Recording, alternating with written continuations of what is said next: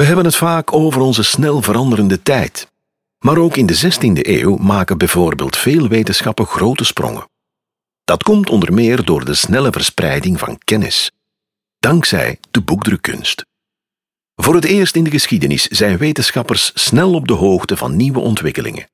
Voor de boekdrukkunst waren ze afhankelijk van handschriften. In zijn eentje publiceert Plantijn in zijn tijd meer dan de helft van alle wetenschappelijke boeken in de zuidelijke Nederlanden.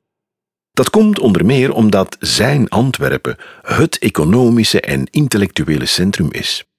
De belangrijkste disciplines voor hem als uitgever: aardrijkskunde, geneeskunde en natuurkunde.